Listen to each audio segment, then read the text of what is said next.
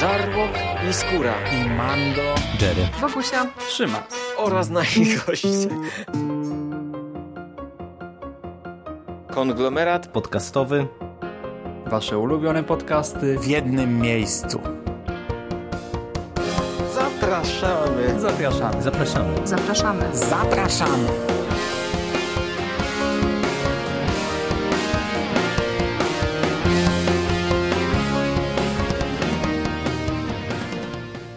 Witamy w konglomeracie podcastowym, czyli na platformie, która zbiera wszystkie Wasze ulubione podcasty w jednym miejscu. Ja nazywam się Michał Rakowicz, czyli Jerry. Jest ze mną dzisiaj Michał Ochnik, czyli Michael z blogu Mistycyzm Popkulturowy. Witam Cię, Michale. Witam Cię, Jerry.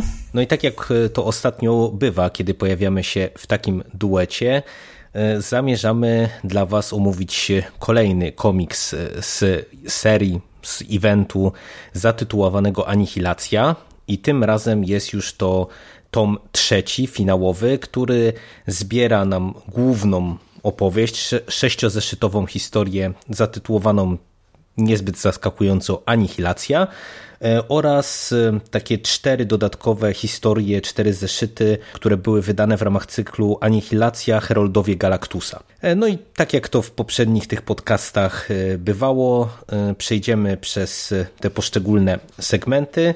E, zwracając uwagę oczywiście na autorów, no i na same meritum, czyli to, jak nam się to wszystko podobało. Anihilacja tom trzeci został e, wydany w Polsce w grudniu minionego roku i tak naprawdę to Egmont e, kuje żelazo póki gorące, bo już za parę dni wydaje mi się ujrzy światło dzienne kolejny tom z tego kosmicznego uniwersum, uniwersum Marvela, czyli Anihilacja Podbój. To, czy się spotkamy na omówienie tego tytułu w takim składzie, to się okaże na koniec tego podcastu. Zobaczymy na ile Michale, ty jesteś zmęczony całym tym powrotem w kosmos marvelowski y, lat minionych. No ale nie przedłużajmy i przejdźmy do tego dania głównego, do którego przygotowały nas dwa wcześniejsze tomy, czyli do miniserii Anihilacja w autorstwie, w sumie tutaj też niezbyt zaskakująco, Kifa Giffena, czyli gościa, który odpowiada za większość historii chyba z tego eventu oraz z rysunkami Włocha Andreo Di Vito. No i tak, jak wspominaliśmy, Podprowadzenie pod anihilację to były pełne dwa tomy, sporo tych miniserii. No i y, tak naprawdę, kiedy rozpoczyna się główny event, no to jesteśmy wrzuceni od razu bardzo na głęboką wodę. Jesteśmy ponad 200 dni od rozpoczęcia anihilacji.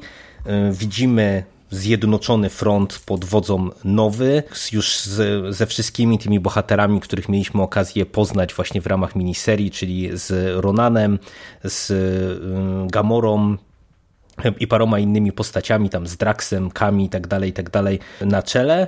Pojawia się z nowych postaci tutaj y, Star-Lord, czyli gość, który jest świetnie znany teraz dzięki Strażnikom Galaktyki filmowym głównie oraz y, pojawia się jeszcze parę różnych postaci, y, które też y, zawitały tutaj do tego komiksu bezpośrednio, no i tak naprawdę fabuła jest powiedziałbym bardzo prosta. Mamy ten zjednoczony front, i mamy po drugiej stronie falę anihilacji, czyli Anihilusa, Thanosa i spółkę tą taką negatywną, że się tak e, umownie e, tutaj o niej będziemy wypowiadać.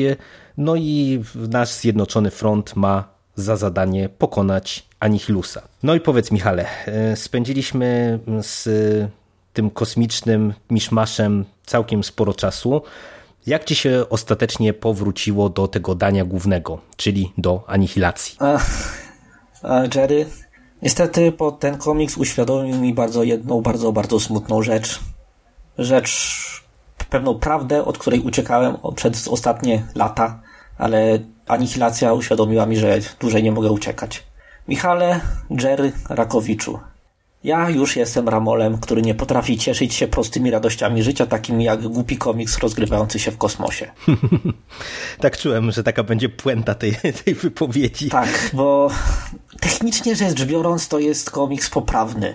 I fabularnie, i rysunkowo, ale wydaje mi się, że ja on wygląda w ten sposób, tak jakby wziął wszystkie znane sobie te space opery, znalazł wszystkie punkty wspólne w tych y, space operach, które znasz, wiesz, Saga, Gwiezdne Wojny, jakieś inne y, Emory Wars, y, cokolwiek ci przyjdzie do głowy, y, Star Treki i tak dalej. Wziął to wszystko razem, zmieszał, wyodrębnił z tego y, wszystkie punkty wspólne i wyciął absolutnie wszystko, jakiekolwiek przejawy oryginalności i kreatywności. I to jest właśnie anihilacja. To jest taki, nie wiem, kręgosłup samej dość typowej, ide, idealnie typowej, a przez to idealnie nudnej space opery. Tam są postacie, które odgrywają rolę, które już widzieliśmy wielokrotnie w wielu innych dziełach y, robione lepiej. Są linie fabularne, które zostały zarysowane poprawnie, tak że wszystko składa się na spójną, logiczną całość, ale jednocześnie są to linie fabularne, które widzieliśmy już w wielu innych rzeczach. Są wszystkie te elementy, które znasz z tych klasycznych space oper, y, wiesz, wiele raz, różne, bo motyw zemsty, motyw y, jakiejś wielkiej, miażdżącej siły i małego ruchu oporu, który jakimś cudem, któremu jakimś cudem udaje się wygrać. Mamy jakieś, wiesz, wejścia, przyjścia, to są, nie wiem, to są gwiezdne, nie, to, to jest Władca Pierścieni w kosmosie, tylko że 40 lat po Władcy Pierścieni, więc ta opowieść jest po prostu nudna w swej klasyczności. Tak bym podsumował swoją wypowiedź. Zgadzasz się ze mną? No ja aż tak e, negatywnie jej nie odbieram. Po pierwsze, ja nawiążę trochę do tego, co mówiłem na koniec e, naszego poprzedniego podcastu, czyli dyskutowaliśmy sobie na ile te w sumie dosyć średnie trzy E, komiksy z środkowego tomu, te trzy miniserie, na ile one są istotne w ogóle w kontekście tego, co dostaniemy tutaj. I chciałbym zacząć od tego, że e, ja stwierdzam, że pomimo, że one fabularnie nie mają tutaj tak naprawdę nazbyt wielkiego znaczenia, czy wręcz nie mają żadnego znaczenia,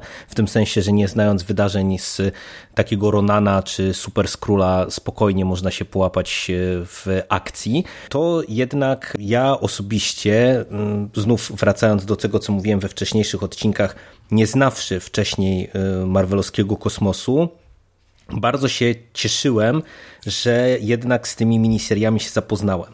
Dlatego, że one spełniły swoją podstawową funkcję, czyli wprowadziły mi te wszystkie postaci. Widać to y, najmocniej na przypadku, czy w przypadku y, Starlorda, który tutaj się pojawia, wiesz, jako taka postać przyboczna do nowy, do Ridera i który teoretycznie jest pisany całkiem w porządku, mimo że to jest też taka w sumie bardzo klasyczna i tu się zgadzam, to jest jedna z takich postaci, którą już widzieliśmy w stu wariantach, po prostu taki trochę wesołek z jakąś tam mroczną przeszłością, który będzie rzucał one-linerami i y, puentował dowcipnie po prostu nawet jakieś najbardziej hardkorowe sytuacje, mm, ale tak naprawdę właśnie on na tle tych wszystkich innych postaci, które jakoś tam mieliśmy okazję y, poznać, y, nawet jeżeli nie polubić, to wypada w sumie paradoksalnie dość blado. W tym sensie, że on mi wydał się jakoś tam interesującą postacią, ale ewidentnie mi brakowało jakiegoś wprowadzenia dla niego. Nie, no wiesz, dostajemy go w zasadzie w pierwszym kadrze, towarzyszy naszym bohaterom, on po coś prostu tam robi. jest i nie, on po prostu jest. Szczerze mówiąc, Tak, nie tak, przypominam jest. sobie, by, Mhm. by on w ogóle miał jakiś znaczący wpływ na fabułę. Znaczy, gdyby wyciąć jego postać, to miałby zerowy wpływ na ogólny przebieg wydarzeń. Wiesz to tam trochę ja mam wrażenie, że on miał spełniać i spełniał w wielu e, momentach e, taką funkcję, nie wiem, może nawet nie tyle sumienia, co e, rozmówcy d- dla nowy, dla Ridera, Mhm. który ma określone dylematy związane z tym, że no teraz dowodzi tym e, mikroruchem oporu, e, no i musi podejmować e, niełatwe decyzje momentami, no i po prostu Starlord tutaj pełni głównie funkcję takiego jego właśnie adiutanta, który mu próbuje zdjąć z, z jego pleców część odpowiedzialności za to, co czasem trzeba uczynić, nie wiem, poświęcając na przykład jakieś tam oddziały, żeby odnieść większe zwycięstwo. I na tym tle właśnie te postaci, które wcześniej mieliśmy okazję poznać i te takie, które tutaj odgrywają pierwszoplanową rolę, czyli nie wiem, Ronan, Drax y, chociażby, czy nawet Super Skrull, wypadają dużo, dużo ciekawiej i dużo lepiej w mojej ocenie. Właśnie, dlatego, bo ty masz tam z tyłu głowy te wszystkie miniserie, które przeczytałeś, już przywykłeś do tych postaci, tak, wiesz tak, czego tak, się po nich tak. spodziewać. Tak, właśnie ten komiks tak. ma problem właśnie z tym, że on nie ma postaci, on ma funkcje narracyjne, które mają imiona i które coś tam robią, ale to, co robią, nie jest ani specjalnie interesujące, ani nie wpływa w ogóle na rozwój ich charakteru, bo zobacz, masz takiego Draxa, nie? On od samego początku mówi, muszę zabić y, Thanosa, to jest moje przeznaczenie. I co robi pod koniec? Zabija Thanosa, to jest jego przeznaczenie. Zero ża żadnych, żadnej ewolucji tej postaci, żadnych Tak, tak, tak. dylematów, żadnego rozwoju charakteru, masz nowe. Nowa od samego początku. Muszę zebrać się do kupy, zebrać wszystko i stanąć na czele ruchu oporu. Co robi? Zbiera się do kupy, zbiera wszystkich innych do kupy, staje na czele ruchu oporu. Ta wojna zdaje się w ogóle na, na nich nie wpływać w żaden sposób, chyba że której, której z nich tam umrze. To, no, no, to można nazwać pewnym wpływem, chociaż w Marvelu to jest tylko wpływ ty- tymczasowy. Mhm. Tak, tak. To jest właśnie według mnie jed- jeden z największych grzechów tego komiksu. On jest y, napędzany przez historię, która nie jest, która jak już mówiłem jest bardzo klasycznie nieinteresująca, ale nie jest napędzany przez y, postacie. Te postacie są, bo no, ktoś musi napędzać historię, a nie dlatego, że te postacie są, żeby się czegoś, czegoś nauczyć, albo żeby przejść jakąś przemianę charakterologiczną, albo żeby, nie wiem, zostać zdegradowanym jakoś osobowościowo, czy żeby się z nimi coś ciekawego działo.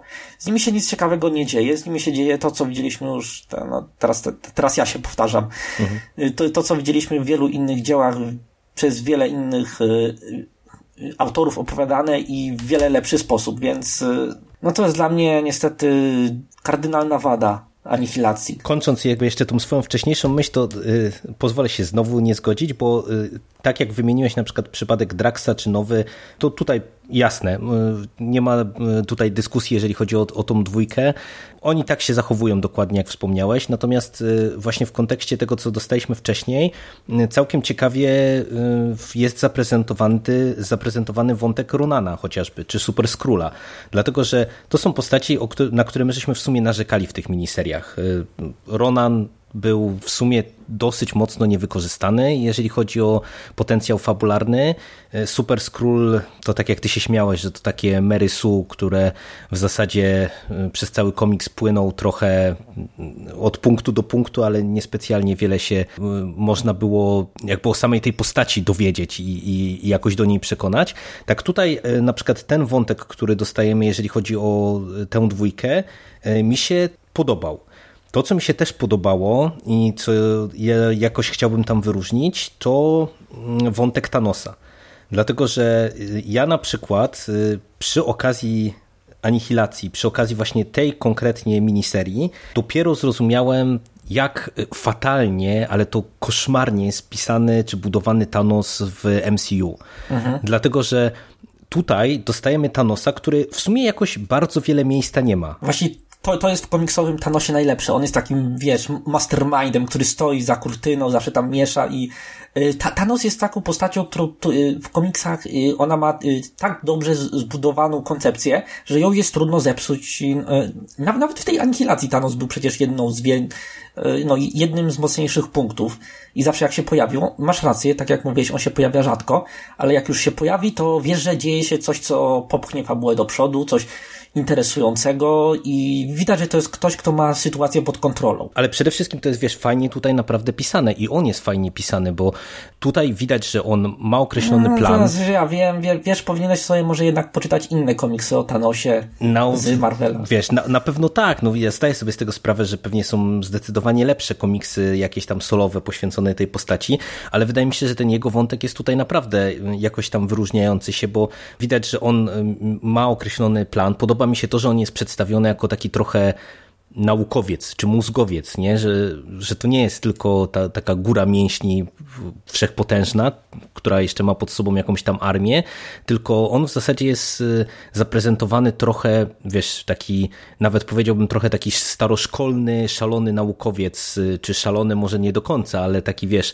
który kombinuje nad pewnymi elementami, żeby zobaczyć z czystej ciekawości, gdzie go to zaprowadzi, czy uda się pewne rzeczy zrobić. Cały ten wątek z Galactusem, który jest przecież no, w sumie jego pomysłem, y, czy jego autorskim pomysłem, mimo że to w sumie przywołując y, przy, w- te, te rzeczy, o których ty wspomniałeś, nie wiem, różnego rodzaju space opery, to myślę, że mm, na pewno każdy od razu się szeroko uśmiechnął, jak zobaczył, jak został wykorzystany Galactus przez Thanosa właśnie w tym kontekście. Tak, tak, to, to był chyba jeden z najlepszych pomysłów w Anihilacji dość, dość pomysłowy, trochę zaskakujący.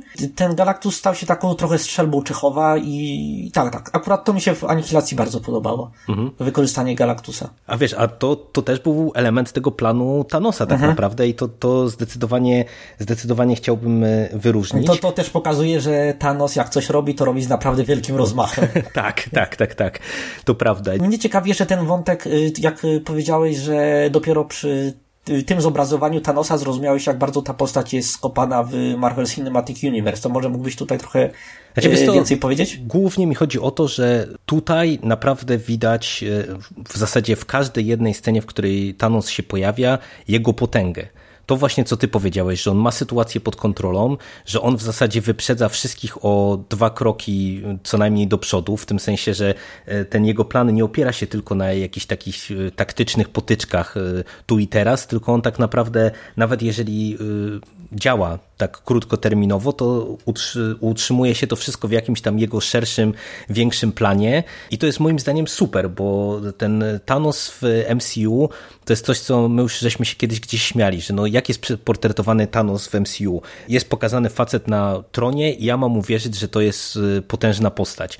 A ta potężna postać przez, nie wiem, 10 filmów przez ostatnie 10 lat, kiedy gdzieś tam jest pokazywany i, i kiedy wiemy, że on niby zbiera te kamienie, to zdążył stracić jeden chyba, i wiesz, i, i w, w, tym kontekście na przykład jak y, wszyscy oczywiście czekamy na wydarzenie, jakim będzie Avengers, y, wojna bez granic, y, no to, to wiesz, to jak ja mam poważnie się jarać tymi Avengersami, jak ja mam poważnie czuć jakiekolwiek zagrożenie, skoro ten gość przez, nie wiem, 10 czy 15 filmów nie był w stanie zdobyć jednego kamienia i teraz nagle mam uwierzyć, że wiesz, nagle przyleci na ziemię i co? I, i po prostu wszystkie mu wpadną do rękawicy, to to ja w ogóle nie czuję stawki po prostu z punktu, z punktu widzenia Thanosa jako postaci w MCU, a tutaj on jest tak pisany, że po prostu nie wiem, jest jedna z nim jakaś mała scena, jedna rozmowa tam, nie wiem, z y, tą córką Draxa na przykład, czy z Anihilusem i ja po prostu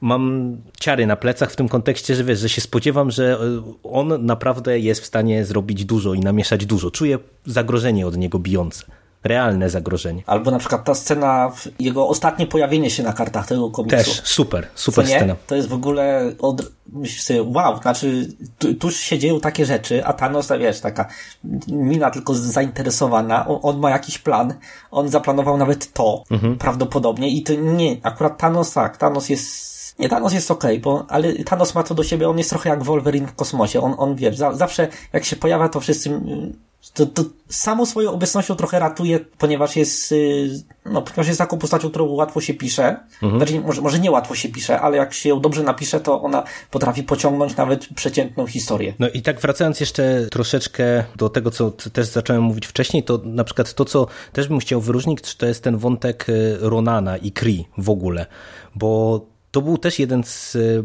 tych elementów, który mi się bardzo podobało, bo to jest rzecz w sumie... No to też było takie strasznie klasyczne, nie? To parias nagle tutaj zmienia się w ogóle jego status z pariasa na, wiesz, głównego gracza w społeczności i ja tego nie czułem, szczególnie też dlatego, bo niespecjalnie lubię tę inkarnację tej postaci tutaj zaprezentowaną w Anihilacji.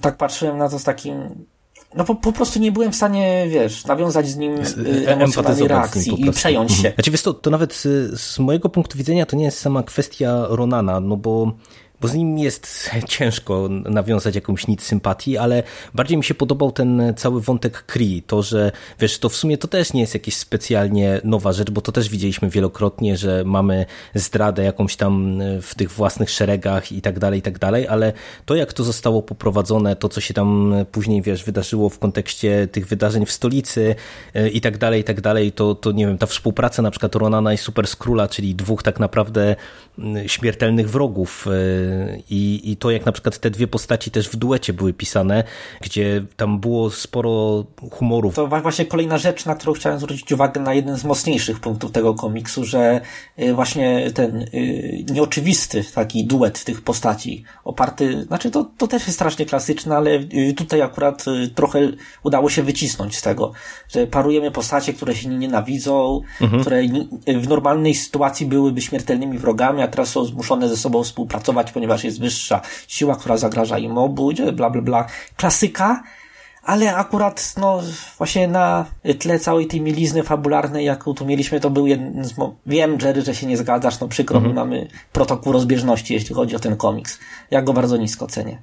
No, no to, Teraz. To, to, to, co mi się też w sumie podobało, to to, że e, w tym komiksie się dzieje holendarnie dużo, w tym sensie, że wiesz, mamy multum tych postaci, jest multum potyczek takich, no bo w zasadzie każda z nich musi dostać jakąś taką solową walkę albo jakieś swoje pięć minut i tak dalej, i tak dalej. I paradoksalnie to się całkiem nieźle udało, wydaje mi się, scenariuszowo poprowadzić. W tym sensie, że y, nie miałem jakiegoś poczucia chaosu, bo ja się tego bałem trochę, że wiesz, że jak nagle mamy tyle tych postaci wprowadzonych, a jeszcze mówię, zaraz na samym początku okazuje się, że tych postaci to jest jeszcze więcej niż w tych miniseriach wszystkich. I naprawdę bałem się, że to się wszystko rozlezie w drobny mak, nie? że y, scenarzysta straci nad tym kontrolę i y, no, będzie sytuacja taka problematyczna, która też jest częsta w sumie właśnie przy tego rodzaju Avengersowych, że tak powiem, komiksach, gdzie mamy, wiesz, Dream Teamy po jednej i po drugiej stronie i w którymś momencie się nagle okazuje, że nie wiem, że trzeba się skupić na dwóch postaciach jakichś tam wiodących, bo a cała reszta to jest, wiesz, tylko jakieś tam tło i, i, i nic nie mhm. wnosi do historii, a tutaj naprawdę te takie pojedyncze często sceny, które te niektóre postaci dostawały, to było fajne, wiele tych scen było efekciarskich, tym bardziej, że ja nie wiem, czy na przykład ty się na to dałeś złapać, bo tak podejrzewam, sądząc po twoim e, lekkim marudzeniu, e, że nie do końca, ale na przykład ja powiem ci, że przez tam pierwsze dwa, trzy zeszyty to naprawdę y, dałem się złapać na to, że tutaj cały ten ruch oporu jest bardzo mocno w dupie, za przeproszeniem. Że y, autentycznie wszystko to, co próbują zrobić, to im się nie udaje. I nawet jak już wiesz, jak się wydaje, że się posuwają jakiś malutki kroczek do przodu, to nagle okazuje się, że jeszcze bardziej sytuacja się z ich punktu widzenia komplikuje. I to było też niezłe, bo, bo to też było jedna z moich obaw przed tym komiksem, że wiesz, że bardzo szybko tę teoretycznie bardzo przecież wysoką stawkę, y, no będziemy mieli rozbrojoną, nie wiem, właśnie jakimś takim sojuszem, który doprowadzi do tego, że bardzo szybko te szalki się wyrównają. A tutaj nie, tutaj tak naprawdę bardzo, bardzo długo jest to prowadzone w taki sposób, że ja śledziłem to z zainteresowaniem i, i byłem ciekaw po prostu, jak oni z tego ostatecznie wybrną. No bo to, że wybrną, to było oczywiste. Czułeś w ogóle tę stawkę jak, jakkolwiek na, na kartach tego komiksu? Ja czułem nudę, ale to już y, mówiłem wielokrotnie, to może nie będę się powtarzał. Znaczy, wydaje mi się, że to, co mówisz, ma odzwierciedlenie w komiksie. Y, jeśli chodzi o to przeciąganie takie ale z drugiej strony to też wpływa trochę na taki czytelni, takie czytelnicze otępienie, że wiesz, oni są tutaj oni są, tak jak mówiłeś, za przeproszeniem w dupie, że miażdżąca przewaga wroga, beznadziejna sytuacja, jakieś rozpaczliwe, dramatyczne ruchy, decyzje, yy, poświęcenia, które przynoszą co najwyżej jakieś krótkoterminowe skutki i to tak długo, wiesz, to wszystko to sprawia, że też strasznie trudno jest się przejąć tą historią, ponieważ bardzo długo nie jest w stanie wyklarować się żadna nadzieja, bo yy, wiesz, generalnie wszyscy twierdzą, że im mroczniejsza opowieść, tym fajniej. Mhm. Znaczy, nie, może nie wszyscy, oczywiście, że nie wszyscy, tylko generalnie panuje w niektórych kręgach takie przekonanie, ale z drugiej strony, jeśli nie ma żadnego napięcia, że nie ma żadnej nadziei, to nie ma żadnej stawki, o której, mm. o której tak, tak, tak. O którą mogłaby się toczyć historia. Więc y, tu, tu, tutaj, tak jak mówiłeś, bardzo długo to się nie wyklarowało i w pewnym momencie można było się poczuć tym zmęczony. I ja, ja się, znaczy ja szczerze mówiąc byłem trochę zmęczony od samego początku, jak czytałem ten komiks i dopiero ożywiłem się pod koniec, kiedy to zaczęło, no, te wydarzenia zaczęły przybierać coraz bardziej gwałtowne mhm. obroty. Nie wiem, czy to po polsku powiedziałem. Ale tak, tak, jak najbardziej masz rację, jeśli chodzi o to, że ten komiks dość długo przeciąga ten punkt dramatyczności. To co, Anihilus był y, trochę nieudany, nie uważasz? Jako postać. Anihilus był trochę nieudany. On był przede wszystkim, wydaje mi się, relatywnie mało wykorzystany w ogóle w tym komiksie. On był statyczny strasznie. Znaczy, tutaj wszyscy byli statyczni, ale on był wyjątkowo statyczny. On był tylko po to, żeby się koncentrowało wokół niego, wokół niego koncentrowały się siły zła i żeby Thanos miał kim manipulować. I sam, sam w sobie raczej miał stosunkowo niewiele charakteru i nie pokazał zbyt dużo y, osobowości. To prawda, akurat tutaj pod tym kątem to rzecz bezdyskusyjna. Anihilusa jest e, w sumie nawet mało, ja bym powiedział, w tym komiksie, ale wiesz to też po tym, jak on był zarysowany tam w tych e, wcześniejszych miniseriach, to ja jakoś specjalnie nie tęskniłem do niego, więc e, dla mnie to było w porządku, że te akcenty były porozkładane inaczej. I zapytam cię jeszcze o jedną rzecz, tak na sam koniec, zanim przejdziemy do warstwy graficznej, do podsumowania, myślę chciałem Cię zapytać o samo zakończenie i to nowe status quo, które zostało tutaj ustanowione, bo dla mnie to w sumie też było dosyć zaskakujące finalnie. A w, jak, w jakim sensie zaskakujące? Dla mnie to było dosyć klasyczne zakończenie. Tutaj jest trochę ofiar, jest, y, są pewne zwycięstwa, jest pewna sytuacja, która będzie eksplorowana dalej w innych seriach z kosmosu Marvela. Takie no zakończenie jak zakończenie, takie jak ten komiks klasyczny. A wiesz to, no właśnie ja nie mam tutaj akurat, tak jak w, z większością e, tych e, wątków to się zgadzam, że one są dosyć klasycznie prowadzone, tak tutaj samo to zakończenie wydaje mi się w sumie dosyć zaskakujące w tym kontekście, że e, tak bezspoilerowo mówiąc, to zdarzyło się to, co się miało zdarzyć od początku, czyli ruch oporu no, wygrał w pewien sposób, natomiast e, to nawet nie chodzi o te poświęcenia, tylko o to, że w sumie ta sytuacja, no tak jednoznacznie dobrze powiedziałbym, że się nie zakończyła, nie? Patrząc na te warunki e, tego pokoju całego e, i to, co widzimy na sam, na sam koniec, to tak powiedziałbym, że to zwycięstwo to było takie bardzo tu i teraz, ale w, w, jakiejś tam perspektywie to w sumie dla mnie to było całkiem nieźle rozegrane też pod tym kątem, że właśnie to jest niezły haczyk na przyszłość, bo ja na przykład jestem ciekaw w tym momencie, co tam się e, dalej e, w tym marvelowskim kosmosie e, zadziało, no bo mówię, to, to zakończenie jest w sumie mimo wszystko tak dosyć niejednoznacznie rozegrane. Ale musiało takie być, wiesz, bo ten event miał za zadanie ustanowić, trochę wstrząsnąć cały ten status quo i ustanowić nowe, które będzie interesujące dla przyszłych y, twórców, y, którzy będą dalej eksplorować te wątki zapoczątkowane przez anihilację. Mhm no to ten event był pisany jeszcze w czasach, kiedy Marvel nie pisał jednego eventu na tydzień. tak, tak. Gdzie, wiesz, status quo było radykalnie zmieniane za każdym razem, gdy ktoś kichnie. Więc yy, tam, no, to, to, był trochę taki projekt architektoniczny, narracyjnie. Mhm. Tutaj stawiamy fundament, na którym potem będziemy budowali te poszczególne serie. Tam chyba byli Strażnicy Galaktyki, Nowa, nie pamiętam, kto jeszcze dostał własną serię po Anihilacji. Nie, to, ale... chyba, były, to chyba były te dwa, dwie główne właśnie miniserie, które na, na zglisztach czy na fundamencie, może to jest lepsze słowo, na to, fundamencie to Anihilacji nie były miniserie, powstały. tylko to były regularne, regularne serie. serie. Tak, tak, przepraszam. Tak. No to powiedz mi teraz jeszcze tylko, jak ta warstwa graficzna ci się podobała? Była okej, okay. to znaczy to jest komiks y, z wielkiej dwójcy, czyli Marvel DC. To jest komiks Marvela, to jest duży event Marvela, więc oczywiście rysunki nie mogły być nazbyt eksperymentalne, były takie te szerokie filmowe plany, dość dobra, ale też strasznie zachowawcza narracja graficzna, tak wiesz, żeby przypadkiem y, przeciętny czytelnik komiksu się nie pogubił i chyba dobrze, bo to jest taki komiks właśnie dla przeciętnego czytelnika komiksowego, który no, może niespecjalnie jest zainteresowany jakimiś bardziej odważniejszymi graficznymi eksperymentami, więc generalnie uznaję ją za plus. Ja się w zasadzie ze wszystkim zgadzam. Ja myślę, że to, co ja bym tylko wyróżnił, czy podkreślił, to jest właśnie to, że w sumie... nie, nie, przepraszam, bo przypomnia, przypomniało mi się, jak kiedyś y, Mando z Jerrym się, znaczy tfu, Mando z Szymasem się z ciebie naśmiewali, że ho, ho, ho, Jerry jak zwykle mówi, ja to nie mam nic do dodania i potem przez 10 tak, minut tak, tak. mówi. Tak. Nie, ale to wiesz, teraz ja chciałem podkreślić tylko, że z tym się zgadzam, natomiast wyróżnić myślę, że trzeba by tylko właśnie to, że ta zachowawczość graficzna akurat tu się sprawdziła, e, w tym kontekście, że przy tak dynamicznym komiksie, przy takiej ilości postaci, to myślę, że gdyby próbować tutaj nazbyt sobie pofolgować, e, mhm. wiesz, z, jak, z jakąś e, taką narracją prowadzoną w bardziej eksperymentalny sposób, to ten komiks mógłby być niestrawny, a tutaj dla mnie to jest akurat ważne, że przy takiej Tak. ilości akcji tu jest wszystko czytelne, jasne, ja wiem Mhm. kto się z kim bije, wiem co się dzieje, pod tym kątem mi się to bardzo podobało. Ja nie mam nic do dodania. To co, teraz Heroldowie. Dokładnie tak. Cztery, w sumie to nawet nie wiem, czy to były cztery zeszyty, bo mam wrażenie, To że te historie były powiększone krótsze. zeszyty. Tak, tego, właśnie mi się też wydaje, że to tak chyba musiało być wydane. Mm, Pierwsza z tych nowelek to są pasożyty ze scenariuszem Christosa Engage'a i z rysunkami Giuseppe Comuncoli.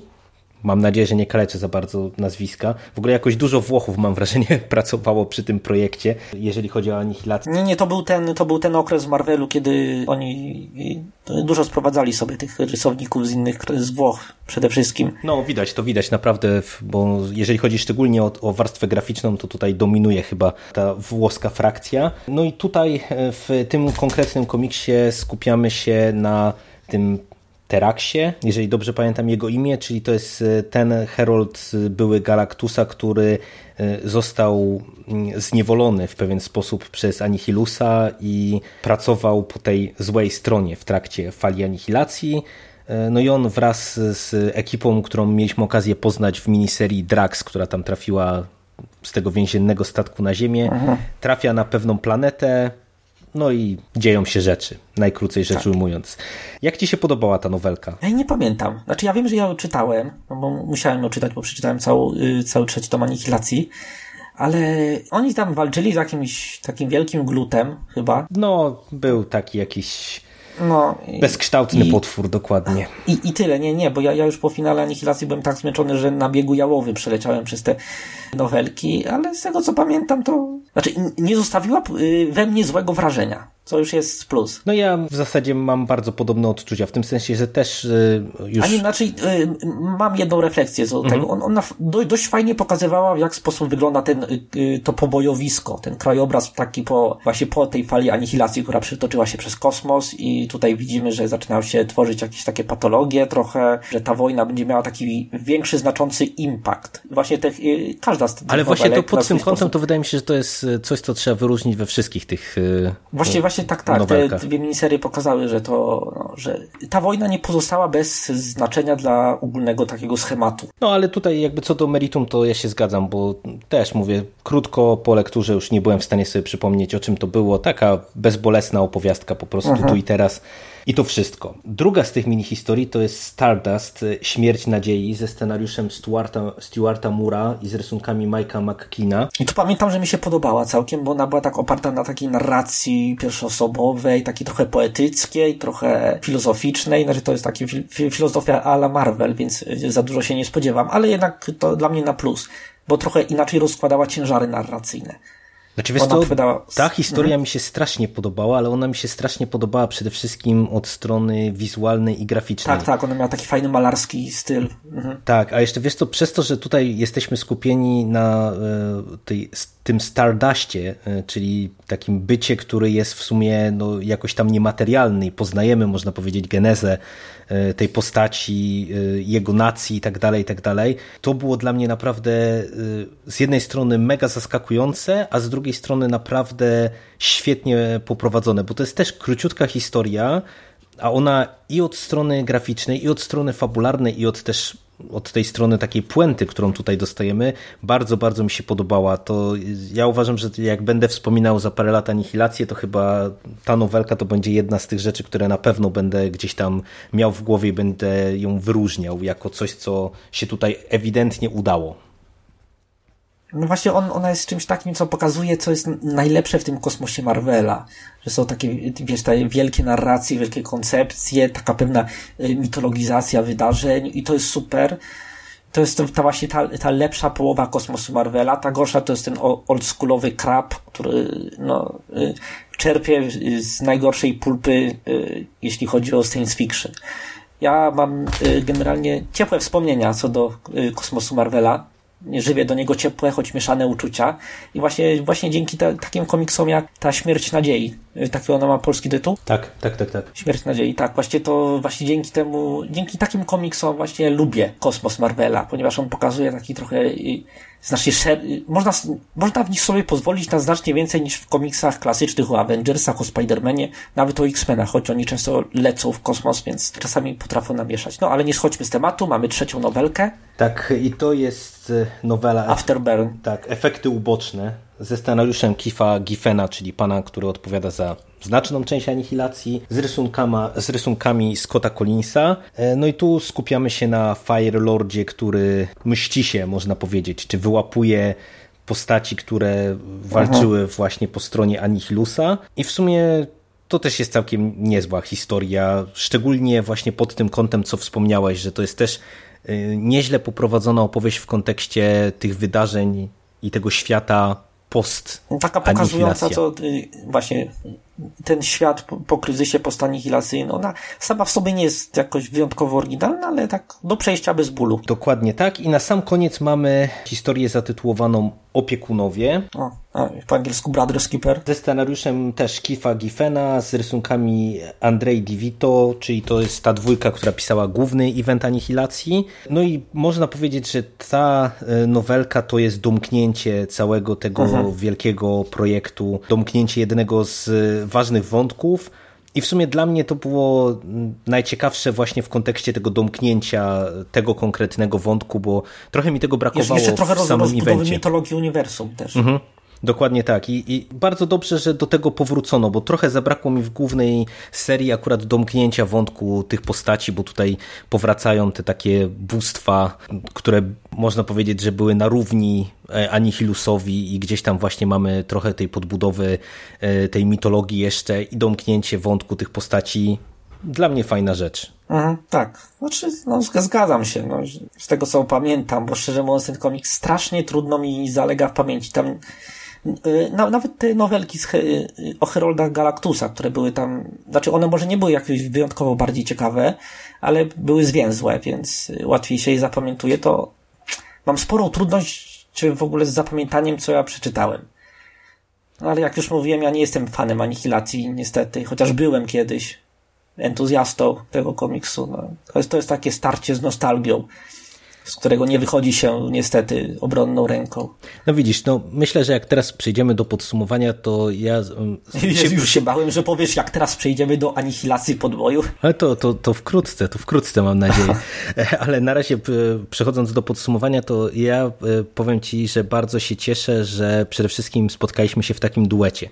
Dlatego, że wydaje mi się, że y, anihilacja czytana właśnie z takich dwóch perspektyw y, to pokazuje y, też potencjalnie, jak czytelnicy mogą, czy różni czytelnicy mogą na nią reagować, bo tak jak ty tutaj w sumie sporo narzekasz, chociaż też mam wrażenie, że chyba nie, nie aż tak źle to nie brzmi, jak mi się wydawało, No że, wiesz, że będziesz... y, y, We mnie walczy ten zgret, którym teraz jestem, ten Ramol, który nie potrafi się cieszyć drobnymi radościami życia i ten dzie- dzieciak, który kiedyś jarał się tą anihilacją i w ogóle super to było, wielkie wybuchy w kosmosie, wielkie poświęcenia, wszystko było świeże, wszystko było fajne, wszystko było lepsze. Jerry, czemu my się starzejemy? No widzisz, i właśnie ta, ta, ta, ta perspektywa jest, jest fajna właśnie w zestawieniu z taką perspektywą neofity, z jakiej ja czytam Anihilację, no bo dla mnie to jest właśnie tutaj wszystko nowe, wszystko interesujące, wszystko ciekawe i naprawdę ja mimo e, wielu potknięć, e, wielu niedoskonałości, bo tutaj e, na przykład zapomniałem przy Anihilacji, to tylko mogę wspomnieć, że mam wrażenie, że totalnie niewykorzystana została Gamora i w ogóle ten jej wątek, kiedy nagle Gamora pojawiła się chyba tylko po to, żeby się przespać z nową i tyle. Tyle zapamiętałem. No i właśnie Ona to jest chyba... problem tego wątku, no bo to było Wiesz, bez wiesz, sensu. nie, nie, ja, ja, mam, ja mam teorię. Ponieważ scenarzysta być może bał się, że ktoś pomyśli, e, że Star-Lord i Nowa są parą. I koniecznie musiał wsadzić ten, jakąś kobietę, A, no widzisz, żeby, no tak w sumie mogło żeby być. Nowa się z nią przespał i żeby nie było y, tego homoerotycznego podtekstu. Coś jak, No, w- no coś jak w, filmowych, w filmowym Civil War. wiesz, że trzeba było Kapowi wrzucić y, tą y, bratanicę, czy tam siostrzenicę Peggy, żeby on ją pocałował na oczach ludzi, żeby potwierdził, że on jest y, heteroseksualny, a nie, że leci ratować Bakiego, dlatego, bo y, wiesz, Tak, One wiesz, True co chodzi. Wiem, wiem. Nie no, w sumie to, to może tak być, bo to był akurat właśnie bardzo słaby element. No i wiesz, i, jest t- trochę takich potknięć w całym tym evencie. Te, te miniserie też są różnej jakości, ale ja ogólnie już teraz patrząc z perspektywy tych, tych trzech tomów, nie uważam absolutnie czasu spędzonego z tym komiksem za stracony, bo się bawiłem dobrze i Przede wszystkim ja naprawdę poczułem chęć, żeby poznać coś więcej. Mam ogromną chrapkę na Thanosa, e, chyba sobie nadrobię, tam w Polsce też się ukazała miniseria Arona o Thanosie i śmierci, e, podobno bardzo dobra, także ostrzę sobie na nią zęby.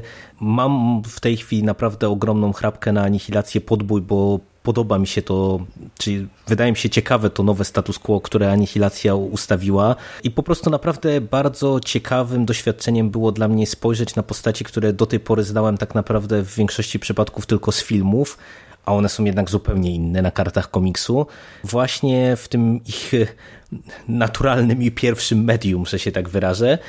No i cóż, ja ogólnie naprawdę oceniam Anihilację całkiem, całkiem dobrze i, i się cieszę, że po nią sięgnąłem. A ja teraz walczę z obietnicą, żeby. z obietnicą wobec ciebie, że przeczytam podbój i też omówimy go razem. No, mam nadzieję, że się Bo jednak skusisz. bo te, też, też ten, ten dzieciak siedzi we mnie i też chce strasznie przeczytać tę anihilację, i, a ja wiem, że ten Ramol, który też we mnie siedzi, będzie na nią cały czas narzekał, więc mam mieszane co do tego podejście. No, tak czy siak, ja Ci bardzo dziękuję za e, te trzy nasze podcasty Ja tobie również, Michale? i dziękujemy słuchaczom. Do usłyszenia wkrótce. Cześć. Cześć, cześć.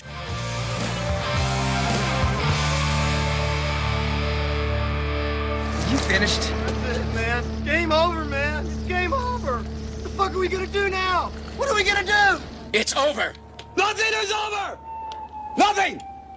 You just don't turn it off!